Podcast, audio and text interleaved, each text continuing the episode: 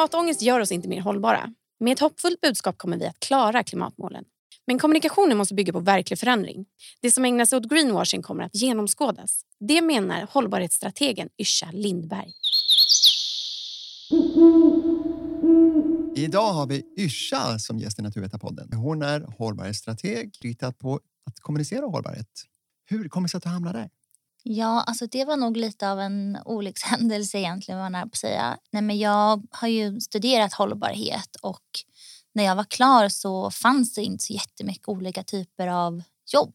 Man kunde ju vara hållbarhetschef men det var ofta ganska liksom seniora roller.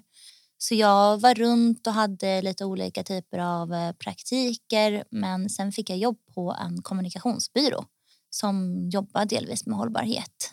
Ehm, så då hamnade jag där och det var väldigt kul. Vad är du i grunden? Jag är utbildad humanekolog. Och vad gör en sån? Ja, det är en bra fråga. Lite allt möjligt egentligen. Alltså, humanekologi är tvärvetenskapligt så det ingår egentligen lite allt möjligt där. Såklart naturvetenskap men också samhälle, antropologi, eh, geografi, filosofi.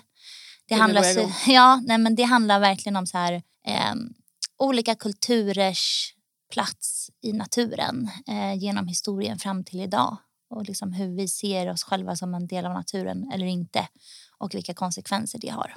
Gud vad intressant. Mm. Herregud, varför pluggade inte jag det här Palle? Ja, hade man vetat om att den här utbildningen fanns överhuvudtaget så hade Fanns det på din tid eller? Jo men faktiskt. Ja det gjorde det? Ja, tror inte det.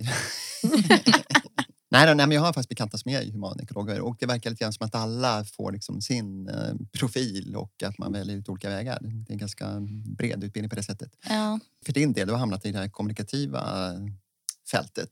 Mm. Vilka är utmaningar tycker du när det gäller just att kommunicera hållbarhet?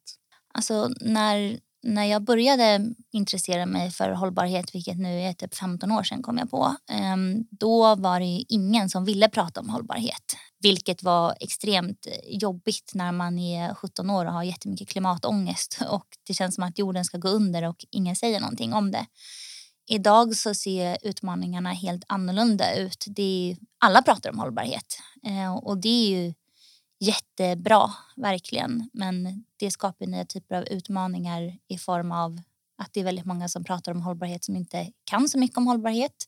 Det finns väldigt många som kan mycket om hållbarhet men som inte kan så mycket om kommunikation. Och det, det resulterar ju liksom ibland i mindre bra hållbarhetskommunikation som i vissa fall är direkt vilseledande också. Har du något sånt här riktigt skräckexempel? Ja, tell us. Du behöver inte nämna namn. Nej, nej, nej, nej. Peter Jöback på... Ja. um, alltså, ha ett specifikt skräckexempel. Eller någonting du har läst typ i nyheterna. Okej, okay, men nu, nu gömmer de sig bakom en hållbarhetsrapport här bara.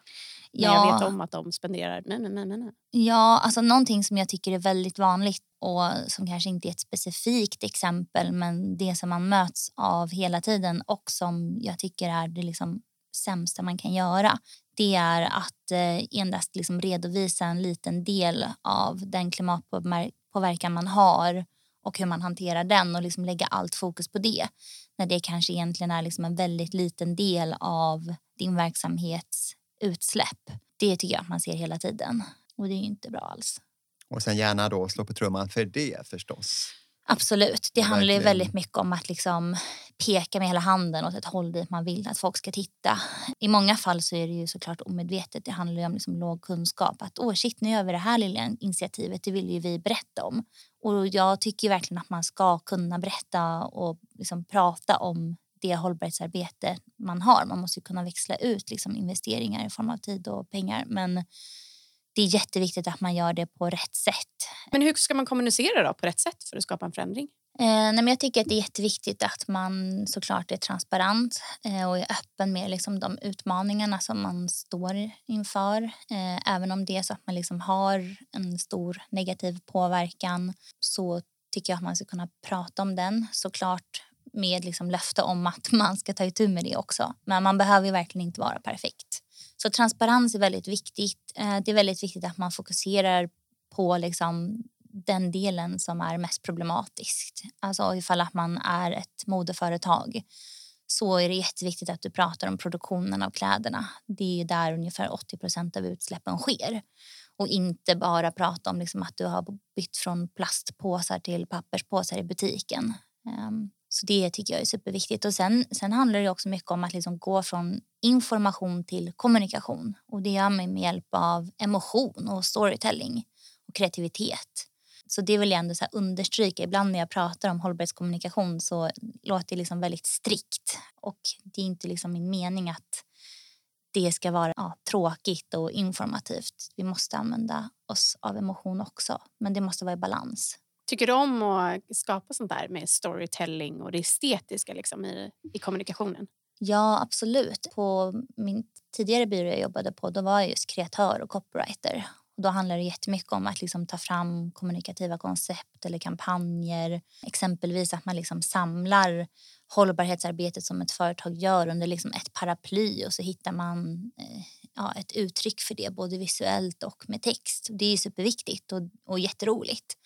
Men där blir problemet när det är personer som jobbar på byråer och inte har liksom hållbarhetskompetens att det ofta blir för vagt eller att det liksom låter mer lovande än vad det är. Så att jag, det är väl det jag verkligen så försöker lyfta att eh, kompetensen kring hållbarhet måste öka på byråerna dels att man utbildar liksom alla i typ lagstiftningen i alla fall. Alla från eh, creative directors ner till de som ska skriva liksom copyn i, i sociala medier. Men också att man tar in folk med spetskompetens på byråerna. För att någonting som jag också har liksom märkt är att många av, de, många av beställarna, det de får tillbaka, det känner de att de inte kan använda. Jag tänker, var det klimat? För du var inne på det när du, du nämnde i början. Så här, ja, men jag var 17 år och hade klimatångest. Mm. Var det liksom klimatångesten som fick in dig i det här spåret av att så här, nej men gud, vi måste kommunicera på rätt sätt. Vi måste få folk att förstå att så här, moder jord, vi har en. Liksom. ja, alltså när jag upptäckte klimatkrisen eh, genom, det var genom Al Gores film Inconvenient Truth som vi gick och såg tillsammans med vår gymnasieklass. Då tänkte jag väl inte direkt så här, oh, jag vill jobba med hållbarhetskommunikation. Då var det mer så här, ja, rädda jorden och kommande generationer hur som helst. Och då var det så här, ja men FN kanske var väl det jag kände till. Ja, så jag hade nog ingen plan på just kommunikation då. Men det som jag tycker är intressant nu är att vi, alltså kommunikation är jätteviktigt i omställningen. För Det handlar om att eh, ändra beteenden och informera allmänheten. Men hur får man folk att ändra beteende då? Just när det gäller eh, klimatet. Jag menar, vi pratar mycket om klimatångest, vi pratar om flygskam och mm. den typen av begrepp som kan kännas lite tunga. Mm. Och till slut så kanske det till och med så blir att man eh, nästan ger upp lite mm. grann. Hur ska man liksom få det här hoppet tillbaka? Ja, men det är ju verkligen superviktigt det du lyfter nu. Jag tittar mycket på så klimatpsykologer eh, som Per Espen Stocknäs och René Lertzman och vi har även en organisation i Sverige som heter Klimatpsykologerna. Och de tittar jättemycket på hur vi människor reagerar på olika typer av budskap och är väl rörande överens om att domedagsbudskap funkar liksom inte. Och det har jag ju själv verkligen gjort. Och ändå var det det Al Gore hade i sin film. ja, det var det. Som väckte alltså, dig. Ja, men exakt. Jo, men det funkar på liksom en liten grupp. Eh, ja, jag har hört någon siffra om så här 10 procent. Alltså de här riktiga liksom, eh, naturälskarna. Liksom. Mm. Men plus att så här, då, var jag, då var jag 17 och eh, hade väl inte så mycket andra problem. Eh, jag tror att många som möts av klimatbudskap idag när man liksom står där i mataffären, man har två hungriga barn som man ska liksom göra mat till, man är stressad, man tänker mycket på ekonomin och olika saker, då hamnar ju liksom klimatåtgärder ibland ganska långt ner på listan för att livet kommer emellan. Så det handlar jättemycket om att med hjälp av kommunikation underlätta och nudga människor att fatta mer hållbara beslut. Men såklart också att det behöver finnas mindre miljöskadliga produkter och tjänster på marknaden. Så det är verkligen ett samarbete där mellan företag, konsumenter och politik.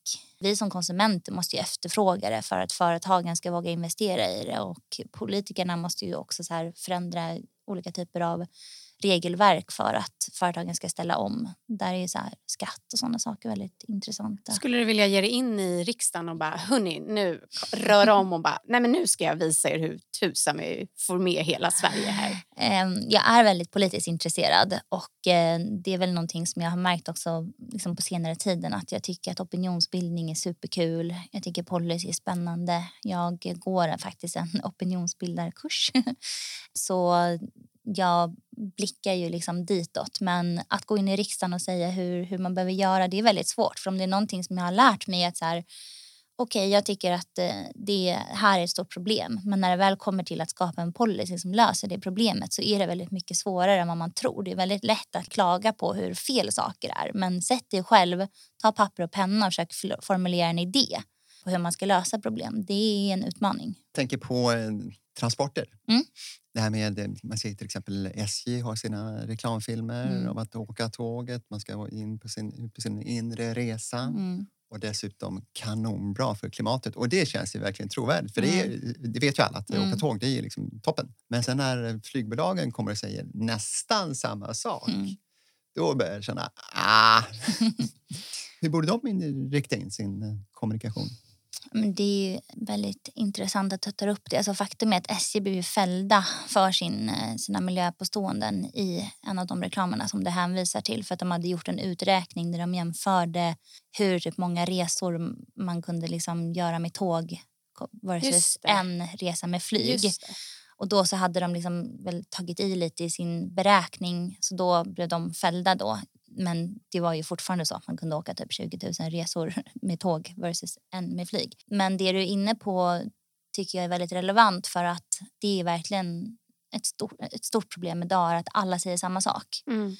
Eh, och jag vet att eh, må många inom den ideella sektorn ser det också som ett stort problem. Att här, vi som räddar barnen säger samma sak som Vattenfall. Vi pratar om en liksom, hållbar framtid för våra barn. Och vi försöker ändå så få folk att ge, donera pengar så att vi kan få fortsätta med vårt viktiga arbete men, men ingen ser skillnad på våra reklamer.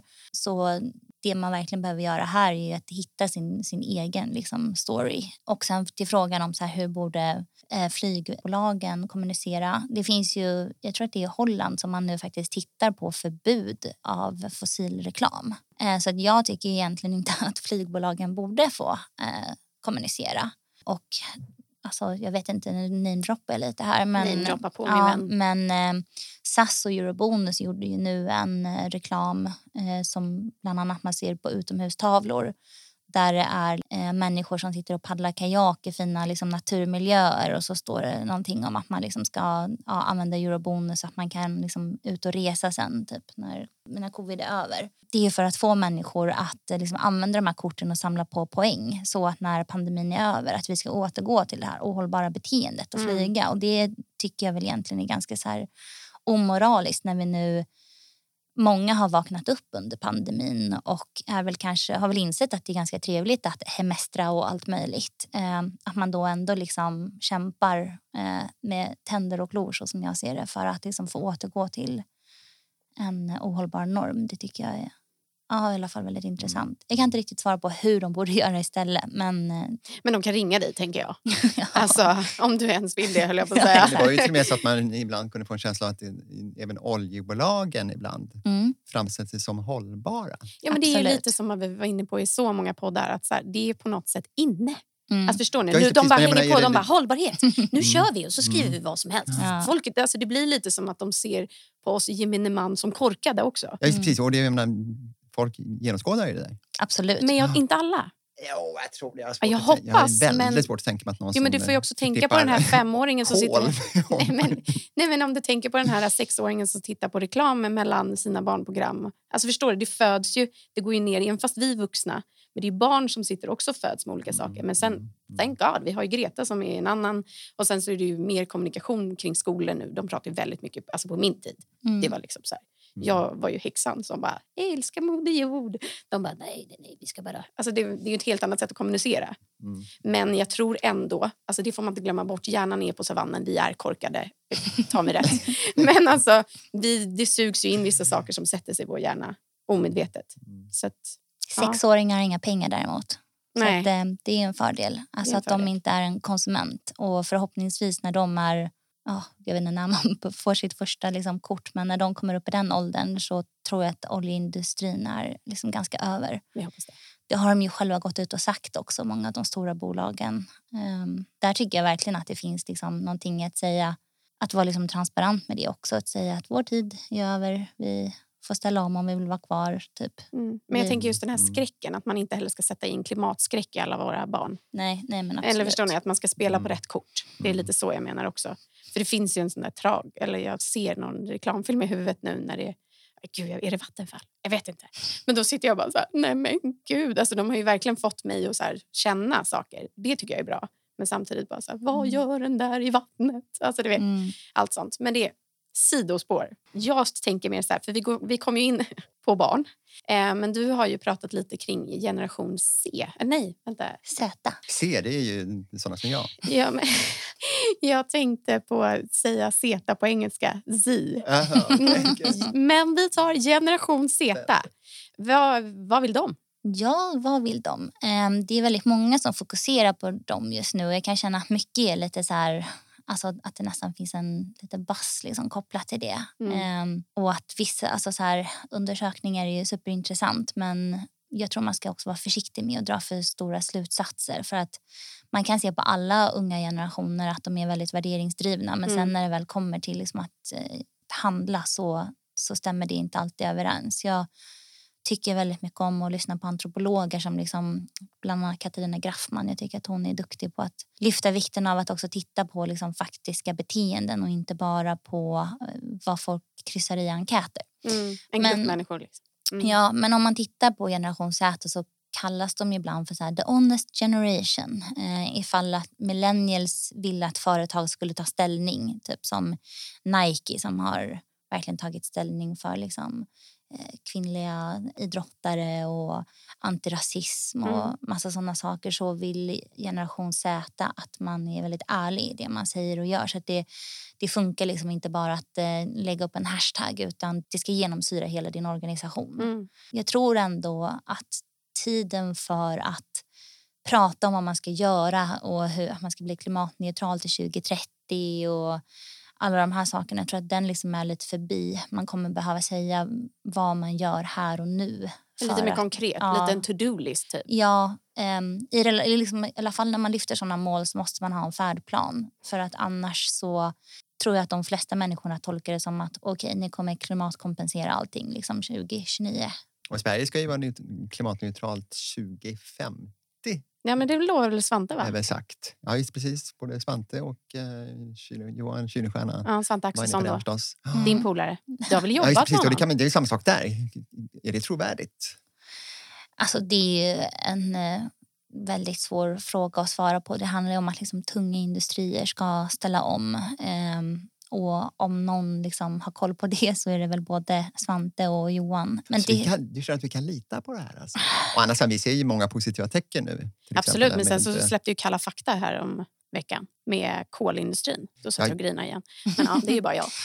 Men jag tror ändå, jag, jag väljer att tro på det. Det finns så mycket att vinna på att göra en omställning på riktigt. Eh, vi har väldigt goda förutsättningar i Sverige för att göra det. Eh, det finns väldigt mycket pengar att tjäna i det eh, och att vara liksom ett föregångsland och även exportera. Så jag tror absolut att det är möjligt. Eh, Så du är optimist här alltså? Låter Ja, nej men jag, Mm. jo, en försiktig optimist. Alltså jag är väldigt, åh, jag är cynisk också. men jag eh, tror verkligen att man, om man ska orka liksom, eh, jobba med det här. Och, Ja, exakt. Skulle vi inte tro på det, då skulle det vara på något sätt omöjligt. men då hade jag lika bra kunnat liksom ge upp och Ja. bestämma mig för att inte skaffa barn. Eh, Och sen så Ja. ibland så kan man ju lite jag ska inte säga att man tvivlar, men man kan bli lite överraskad ibland. Egentligen det som Nikita var inne på här med en bank mm, som eh, utger sig för att vara hållbar Mm. och gör, har en sån profil. Sen så visar det sig att de investerar i kolindustri. Miljardbelopp. Ja, just det, precis. Och då, och då blir man lite besviken kan jag tycka. Hur- Vad, vad har de missat egentligen? Alltså, finanssektorn ligger väldigt långt efter. Jag skulle säga att de är liksom sämst på både hållbarhet och hållbarhetskommunikation. Och det blir ju så pinsamt tydligt när man faktiskt kan följa pengarna. Och som du säger, de har ju investerat liksom hundratals miljarder tillsammans i, i kol. Det som är bra när det kommer ut en sån granskning är att många har ju dragit sig ur Eh, det. Här tror jag verkligen att det är superviktigt att vi som liksom konsumenter och medborgare börjar liksom byta bank och berättar varför vi gör det. Därför att om det är någonting jag har lärt mig från att jobba med liksom olika typer av företag och organisationer. Man lyssnar på vad konsumenten gör.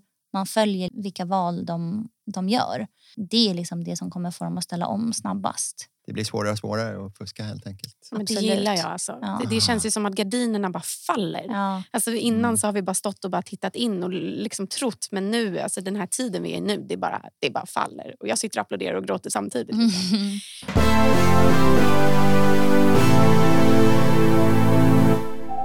Hotellhanddukar, Experiment. trädplantering, Bra om det görs rätt. En weekend i Paris. Förr i tiden. Honung eller vitt socker? Honung. Förlåt alla veganer. Böcker eller Netflix? Netflix. Middag med Camilla Harris eller Einstein? Oj, vad svårt. Camilla. Camilla. Varför Camilla? Det bara, jag bara kände det. Mm. Eh, Einstein känns lite gubbig. Ja, men jag, jag håller med dig. Det är lite passerat kapitel, tänker du? Han är ju också död. Även om, även om eh, relativitetsteorin, den ja, den, håller går ju du igång fortfarande. på. den går du igång på. Men jag skulle ju också välja Camilla. Alla vet ju vem hon är. Ja, börja. Nej, men det, jag tycker det känns som ett bra val. Ett eh, begrepp som florerar just när det gäller hållbarhetskommunikation det är det här med greenwashing. Vi har varit inne lite grann på det, att eh, företagen gör kanske småsaker, sväljer mygg och silar kameler lite grann. Eller säger man tvärtom kanske. Och eh, Vad är ens det? vi kan ju börja med att berätta vad det är för någonting. Ja, förstås. För jag Nej, men tänkte, det, är ju- kanske inte alla vet vad det är. Nej, nej. Ja, men gärna. Det kan jag prata om eh, länge och mycket. Nej, men det är när man, greenwashing är när man försöker få någonting att verka mer hållbart än vad det är. Eller när man försöker liksom skifta fokus från någonting som är dåligt till någonting som är mindre dåligt. Det är egentligen lite det vi har pratat om innan. Men det är liksom grunderna till greenwashing. Det känns lite som att det börjar minska. Blir det svårare och svårare kanske för företagen, eller vilka det nu är, att Gör man sig? tvätta grönt? Alltså, jag vet inte. Jag, jag ser det ju överallt. Jag tycker snarare att det ökar. Men att det är svårare att identifiera. Alltså, jag tycker egentligen att de flesta företagen greenwashar när de pratar om hållbarhet. Men däremot så har ju väldigt många fler mer bevis på för det de säger än vad man hade tidigare kanske. Men jag tycker ju sällan att det är tillräckligt. Så det är lång väg kvar att gå, låter det här som. Ja, alltså fördelen är att många företag har börjat jobba med hållbarhet och har bra hållbarhetsarbete på plats. Jag tror att det som är mest problematiskt är att de är väldigt dåliga på att kommunicera det. De förenklar det väldigt mycket och de blåser liksom upp mindre saker. Så att det finns enorm förbättringspotential. Du ganska enkla medel ändå. Vilka är de enkla medlen då? Ja, men alltså för det första, snälla, snälla, sluta använd vaga begrepp. Eh, hållbart, miljövänligt, grönt, ekoreko, medvetet, cirkulärt. Ja, det finns liksom hur många som helst. De här kallar ju till och med Konsumentverket för vaga begrepp för att man ser att genomsnittskonsumenten tycker att eller de tänker liksom att produkten inte har några skadliga liksom, effekter.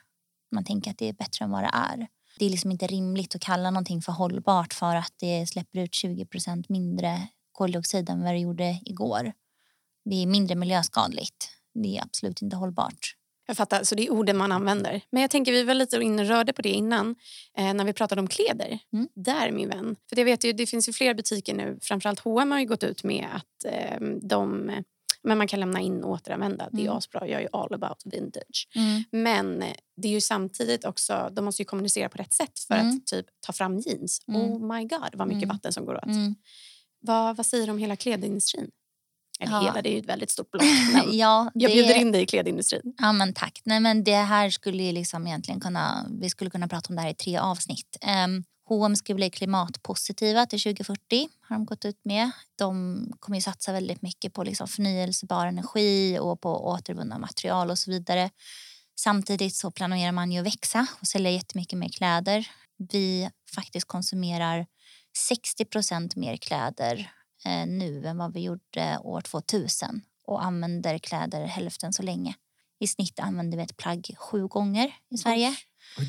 Eh, och det är väl egentligen det jag tycker att man ska prata om. Inte liksom hur pass mycket återvunnen polyester man har. Jag är ganska övertygad om att liksom, material inte kommer lösa problemet. Det är klart att vi kan få ner utsläppen jättemycket men vi måste prata om beteenden. Och H&M klappar sig väldigt mycket på axeln över att man samlar in så otroligt mycket kläder. De skriver hur många liksom, tusentals ton och hur många miljoner t-shirts de samlar in.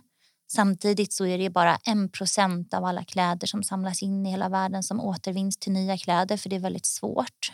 Majoriteten av all återvunnen polyester kommer från petflaskor som det nu har kommit rapporter om att de inte ens är använda innan för att det är så stor efterfrågan. Så i Kina producerar man petflaskor för att sen producera återvunnen polyester.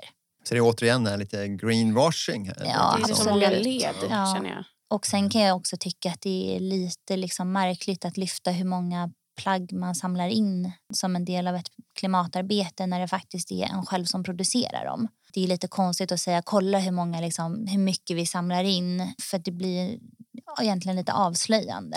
Men är det inte lite grann så också att eh, kläderna har blivit ganska billiga? Det är ja. liksom, gå på H&M nu som exempel. Mm man, man blir liksom inte ruinerad på samma sätt som man varit för uh, tio år sedan. Vilka Nej. skapar de kläderna då, tänker jag då? I det andra ja, ledet? Precis, är, de, är de för billiga kanske egentligen? Det tycker jag absolut. H&M och eh, många andra liksom, stora modeföretag de betalar inte ens ut liksom, levnadslöner till eh, arbetarna i liksom, andra länder. Och ännu mindre för miljöbelastningen förstås. Absolut. Det är sådana externaliteter. Det redovisas ju inte alls. Jag tycker att saker ska kosta vad de kostar och att sådana liksom, saker behöver komma in i priset. H&M har ju vissa initiativ där det liksom är att man kan laga kläder eller att man kan hyra saker. Det är också en så här, eh, väldigt, väldigt liten del av deras intäkter. Det är mer symbolprojekt tycker jag. De pratar om att det ska öka. Jag tror inte att det kommer öka så länge kläder är så billigt. Varför skulle jag vilja betala för att liksom lämna in och laga ett plagg när det kostar lika mycket att köpa ett nytt? Man ser ju också att vi tar mycket bättre hand om dyrare plagg. Folk tror att det har att göra med kvaliteten ofta, men eh, pris och kvalitet hänger inte alltid ihop. Däremot om du har betalat mer för ett plagg så kommer du tvätta det mer sällan, du kommer vika in det mer försiktigt, du kommer vara mer försiktig när du använder det och så vidare. Men det är fortfarande bara sju gånger? Det är bara sju gånger. Ja, jag kan tänka mig att man använder liksom jeans lite mer och kanske basplagg. Det är därför mm. väldigt många pratar om att vi kanske behöver sluta med de här liksom en månaders långa trenderna och istället återgå till lite mer liksom, långsiktig basplagg. Men trender är svåra att styra. Det är det verkligen. Eh, men jag tror att, jag hoppas i alla fall att, att vi kommer börja hyra mer liksom, så här partyklänningar. Jag själv tycker att det är ganska tråkigt att ha på mig samma liksom, galna festklänning flera gånger. Där har vi ju en marknad faktiskt. Absolut. Men och H&M hyr faktiskt ut festklänningar just på en butik i Stockholm. Eh, så det tror jag verkligen och det har kommit jättemånga tjänster, digitala tjänster där man kan hyra kläder. Så det tror jag verkligen kommer liksom explodera. Så att man kanske köper basplagg som man har i flera år eh, och verkligen investerar i bra plagg där och sen att man kan hyra lite mer galna känns grejer. Också, vi pratade med det om med Johan Kylenstierna. Han berättade ju att så här, han tar ju hand om sina kläder. Mm. Han går ju till skräddaren. Och, mm. och jag bara så men gud vad mysigt. Alltså, mm. Det låter lite så här, ta mig rätt nu Johan, men det låter ju lite som när gubbigt. Alltså, du vet, så här, jag ser den där rutiga kavajen och den mm. lämnas in och man pratar med någon skräddare. Så jag bara, men gud får jag åka tillbaka till 1800-talet? Typ.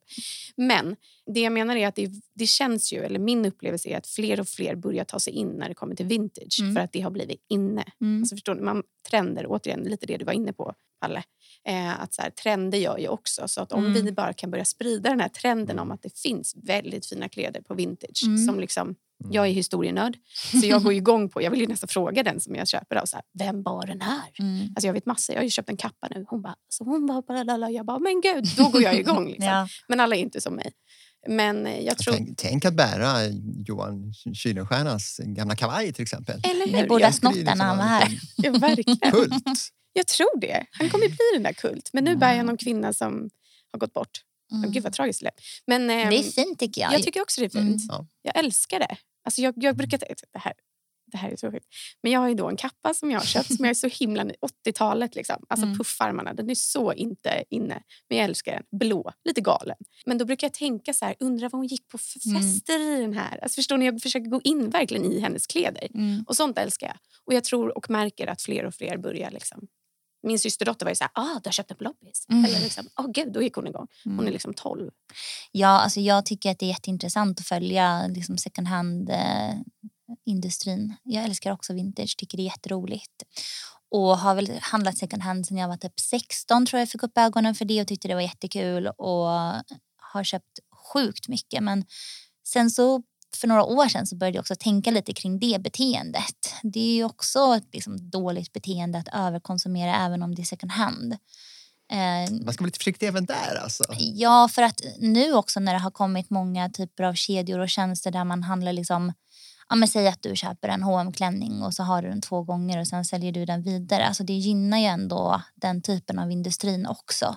Och i och med att det finns ett andrahandsvärde för kläder, även liksom en hm klänning så tror jag också att det gör att människor blir mer benägna att köpa nytt och använda kort och sälja vidare. Och att det liksom Ja, det blir en sån cirkel. Ja, liksom. man kan se liksom i Facebookgrupper Ja, att folk ja. är så här, bara, åh den har etiketten kvar. Alltså det aldrig blir lite, använd, aldrig använd. Ja, Mm. lite grann. Eh, Jag tror att det var Johanna Nilsson som har eh, Slow Fashion-podden. Hon pratar om eh, liksom att det är som att man köper ut nästan Mm. ehm, kläder från liksom first, first hand och Mm. sen säljer det vidare. Och jag kunde känna mycket liksom, när jag var i en period när jag handlade mycket second hand att det hade att göra med att jag var väldigt stressad och mådde ganska dåligt. Det är ett sätt att få mycket så här, snabba kickar. Mm. ehm, Konsumera överhuvudtaget, ja.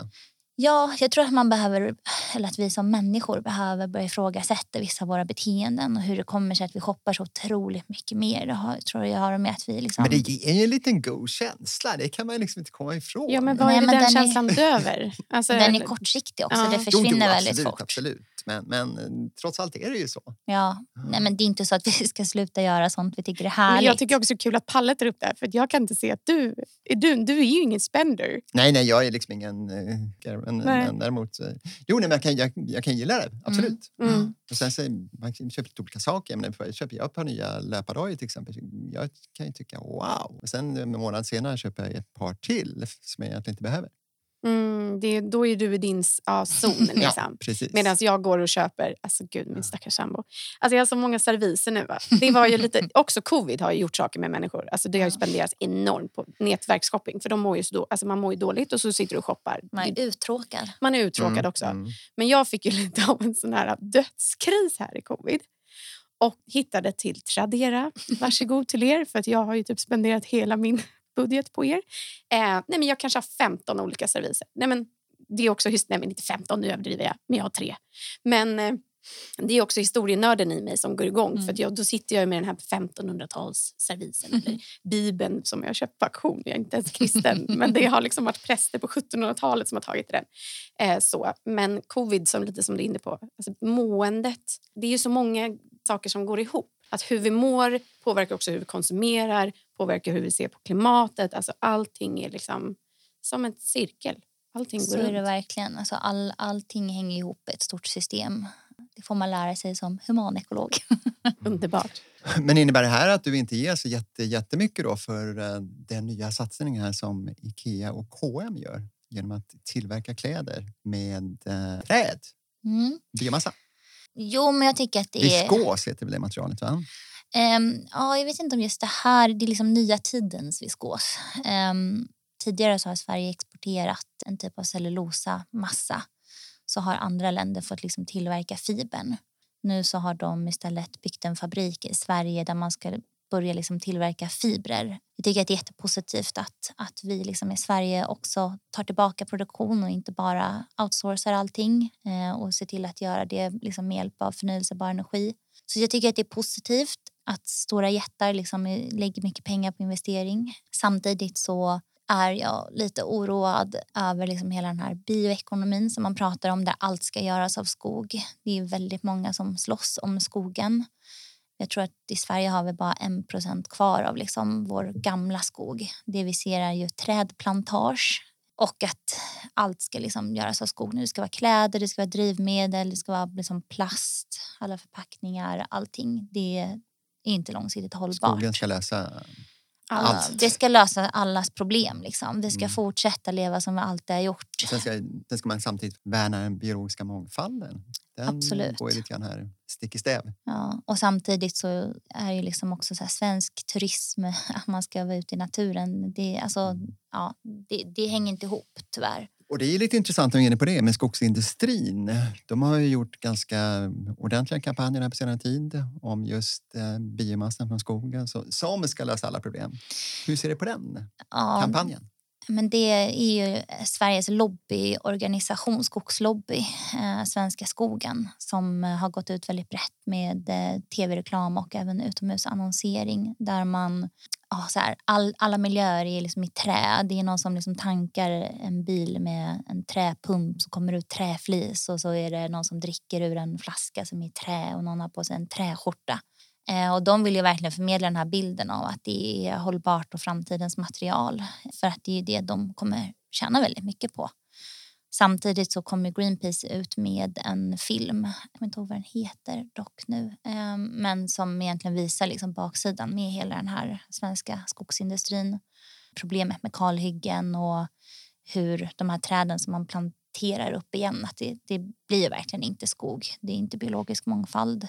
Ja, så att det finns ju verkligen en, en intressekonflikt som jag tror kommer... Men jag tycker att just deras kommunikation är bra. Ehm, den är ju kreativ. Alltså så här, det, det är klart att det är skönt att se att oj, allt det här som var fossilt ska nu göras av skog. Men det är är vilseledande. Alltså det är klart att det är bättre ur en klimatsynpunkt kortsiktigt. Så ja, om den är bra. Den är bra på så sätt att den gör det som de vill att den ska göra. Men jag tycker inte att den är Tror du att bilden moralisk. av svensk skogsindustri har förbättrats tack vare den Eh, nej, det tror jag inte. Jag tror snarare att det har liksom skapat eh, mer konversation kring hur ohållbar den svenska skogsindustrin Ja, är. det slår tillbaka alltså.